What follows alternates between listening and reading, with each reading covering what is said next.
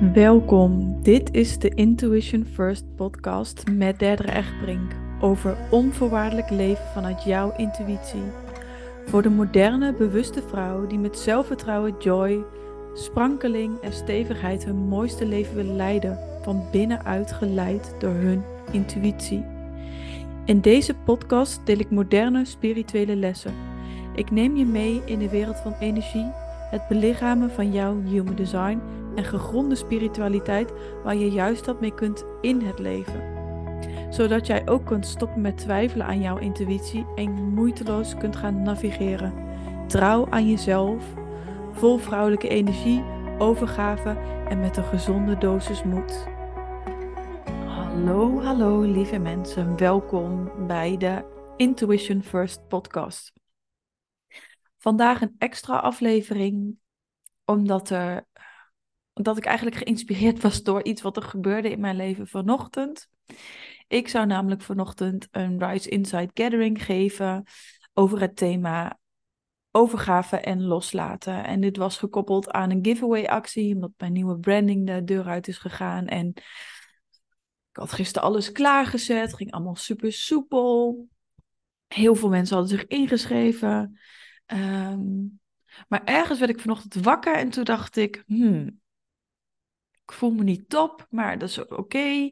Ik ga gewoon lekker even wandelen. Vaak ga ik even, voordat ik een, uh, een sessie geef, de natuur in. En daar komen dan de laatste dingen samen. Dus ik, ik schreef nog even wat notities naar mezelf over uh, de journey die ik zou gaan geven. Het zou namelijk een kort stukje masterclass zijn met ervaringsoefeningen over overgave of loslaten. Waarom die twee zo aan elkaar gekoppeld zijn, mijn nieuwste inzichten daarover en daarna een heerlijke journey ingaan om ook overgave meer te gaan voelen. Die vrouwelijke energie, die zachtheid die daarin zit, die, die liefdevolle um, ja, bedding van het leven van het universum, hoe je het ook maar wil noemen. En ik ben zo dat nog even aan het doen en ik was lekker aan het wandelen. En op het verste punt dat ik van mijn huis kan zijn in de wandeling, wil ik nog even reageren op een uh, één op één klant. Doe ik altijd even via Telegram. En uh, ik zie een berichtje. Hey, uh, stuur jij, jij stuurt straks denk ik nog even de Zoom-link, hè? En ineens denk ik, de Zoom-link, die zou al lang verstuurd moeten zijn, want ik had um, het betalingssysteem gekoppeld aan mijn mail. En toen kreeg ik eigenlijk meteen als allereerste de ingeving van: hey, het is de bedoeling dat je het een week mag verzetten. En met dat ik die ingeving kreeg, voelde ik een bepaalde lichtheid, een bepaalde zachtheid, een bepaalde opluchting. Maar goed, ik ken ook mijn eigen sabotagepatronen. Soms als ik iets nieuws ga doen, uh, dan, dan kan ik het tegenop zien. Maar eerlijk gezegd dacht ik, oh nee, maar ik heb het echt al vaak gedaan. Ik had die zin in, alles staat klaar. Hmm, interessante ingeving, maar nou, ik kan nu even niks doen. Ik ga zo snel mogelijk naar huis en dan regel ik het vast wel. Maar toch bleef die gedachte een klein beetje zeuren in mijn achterhoofd. En, uh, en ik kwam thuis en ik, ik probeerde daarin echt in de afstemming te blijven. Want wat ik altijd het belangrijkste vind is wat er wil. Dus eigenlijk waar um, waar word ik door mijn ziel naar uitgenodigd? En ik weet natuurlijk dat we in die end alles zelf creëren. Ik probeerde even te voelen van, joh, heb ik dit zelf gecreëerd? Um, op een of andere manier, waarom, weet ik niet precies. Soms hoef ik ook de waarom helemaal niet meer te weten. Of is dit als het ware um, het pad van mijn ziel die me nu een hint geeft en die, die, die zegt van, hey, ga, luister hiernaar. En eigenlijk voelde ik stiekem al de hele tijd dat, maar mijn hoofd was nog niet overtuigd. En die begon met, ja, maar er zitten mensen op je te wachten en dat kun je niet meer maken. En je bent het zelf gewoon aan het saboteren, dus kom op, uh, hakken, de, hakken eronder. Nee, dat is helemaal niet het goede woord, maar het maakt niet uit. Maar gewoon kom, we gaan. Eh, ik ga het nog proberen. Dus ik ging in het systeem en ik heb ook echt alles gegeven. Ik ben in het systeem gegaan. Ik ben, alles, ik ben erachter gekomen waar zit de fout. Ik was al bezig met het omzetten. En het systeem werkte niet en het internet viel uit. En toen dacht ik, oké, heel interessant. Maar Ik, ik ga, gewoon, ga gewoon kijken.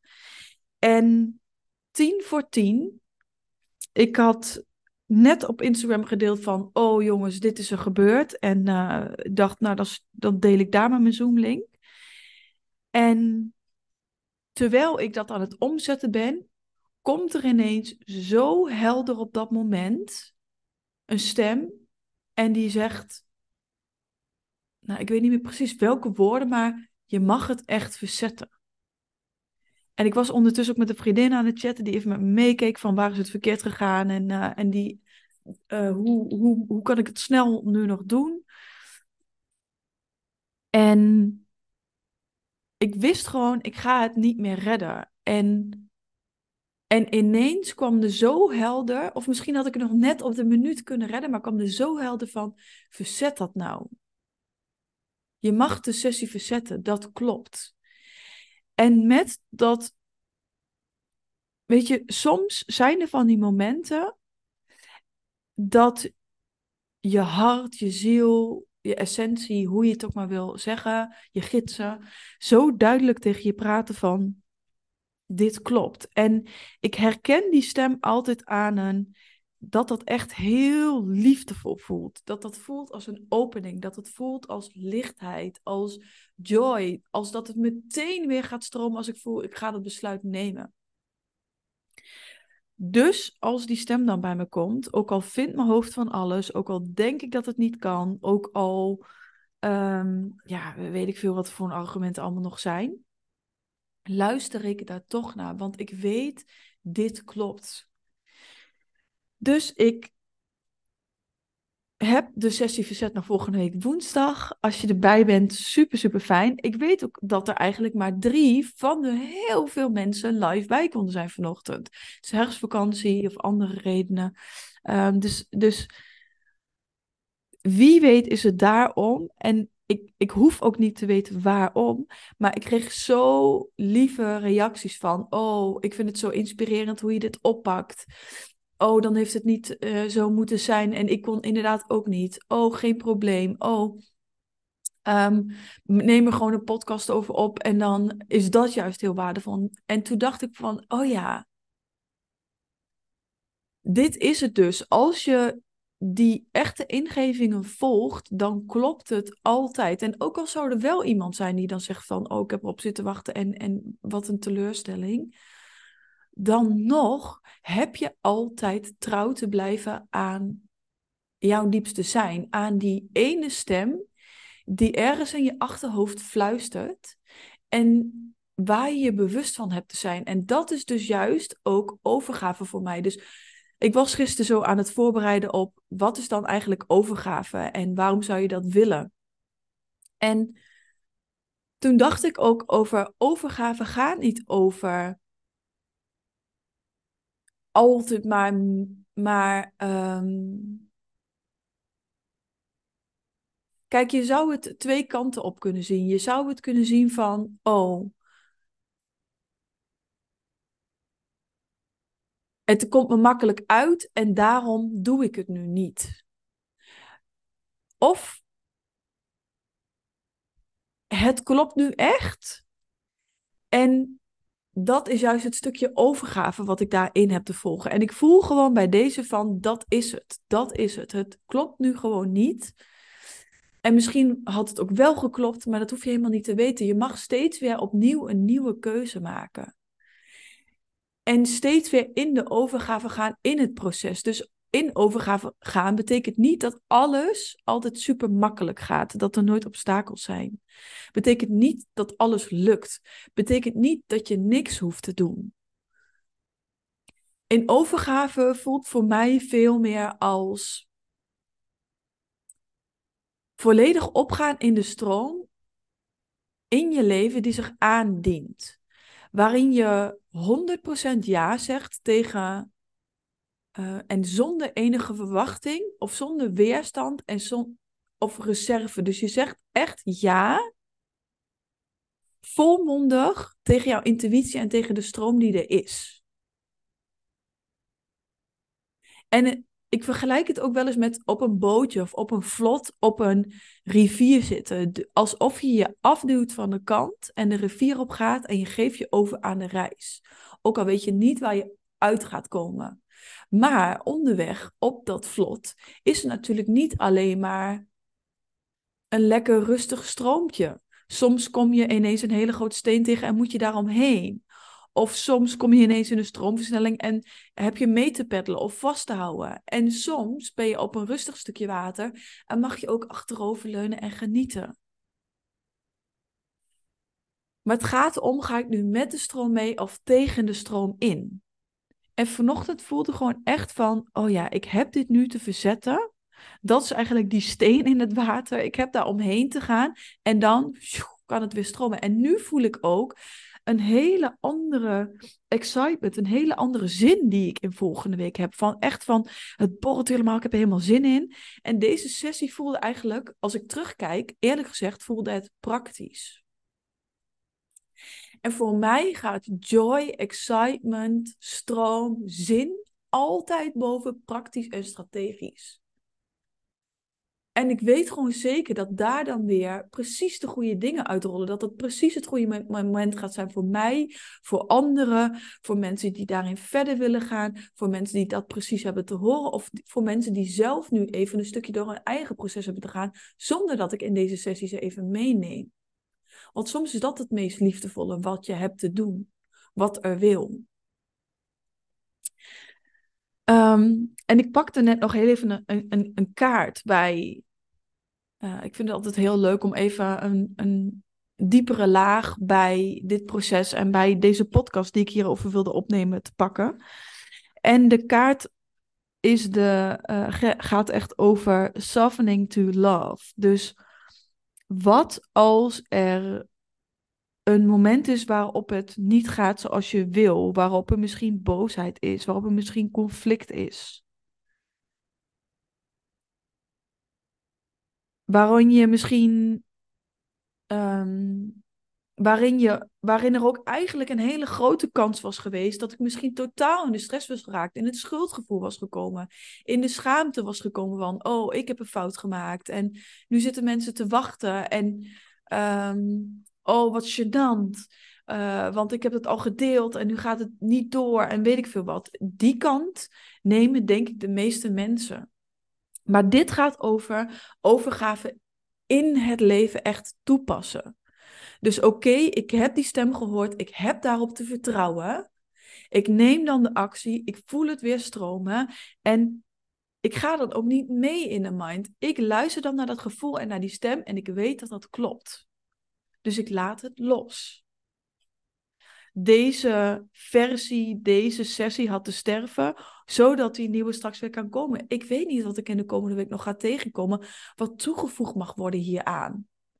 Of welke energie opgebouwd mag worden, of welke dag het volgende week precies gaat zijn voor mensen.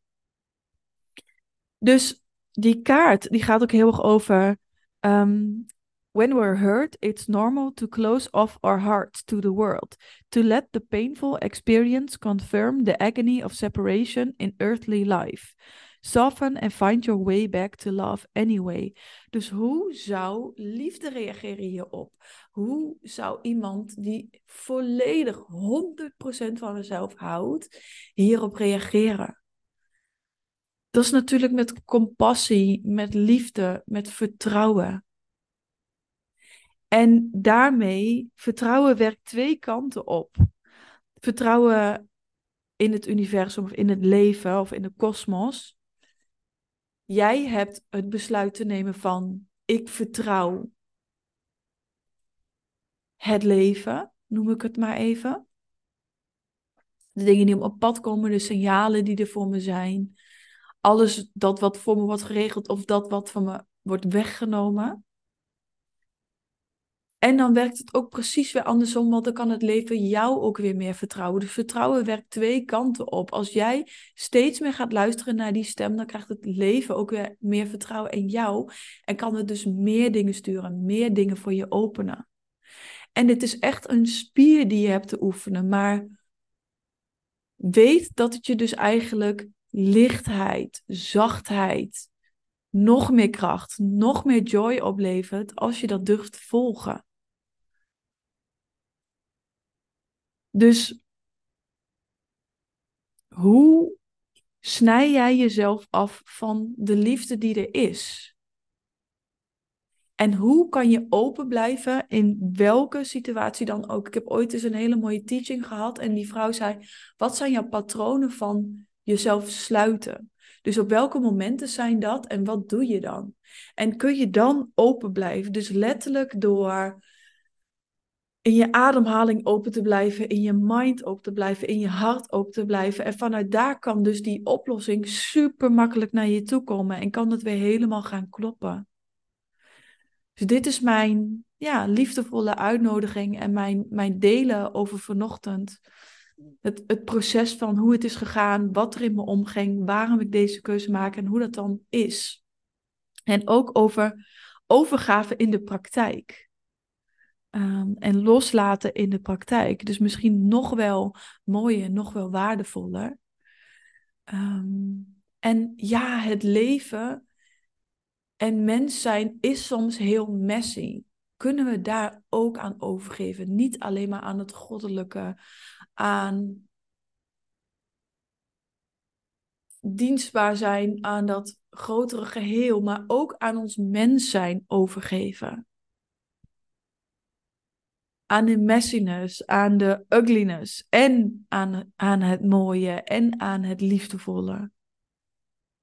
Want overgave betekent wat ik ook al zei, niet alleen het mooie. Overgave betekent ook dat als er wel obstakels komen of als je wel verward bent, dat je daarin ook open en in overgave en in loslaten kan blijven. Omdat het in die end altijd klopt. En wat dan die les eruit is, weet je pas vaak later. Dat weet je niet als je die beslissing neemt of als je op dat punt staat. Dus als jij nu ook op zo'n punt staat van ga ik nu in de controle of ga ik nu in de overgave, ga dan eens naar binnen of maak weer connectie met die stem van je intuïtie, van je ziel, van je hart. Die hele liefdevolle stem, die stem van liefde. En wat zou zij doen dan? daar sluit ik deze podcast mee af. Super bedankt voor het luisteren. Ehm, wie weet tot volgende week woensdag. Als je vragen hierover hebt, als je opmerkingen hebt, als je teleurgesteld bent, als je boos bent, je mag alles met me delen. Als het een waardevolle podcast voor je was, laat dan even vijf sterren achter of uh, stuur even een DM. Ik vind het altijd heel leuk om van jullie te horen. En um, voor nu weer heel veel liefst en tot de volgende.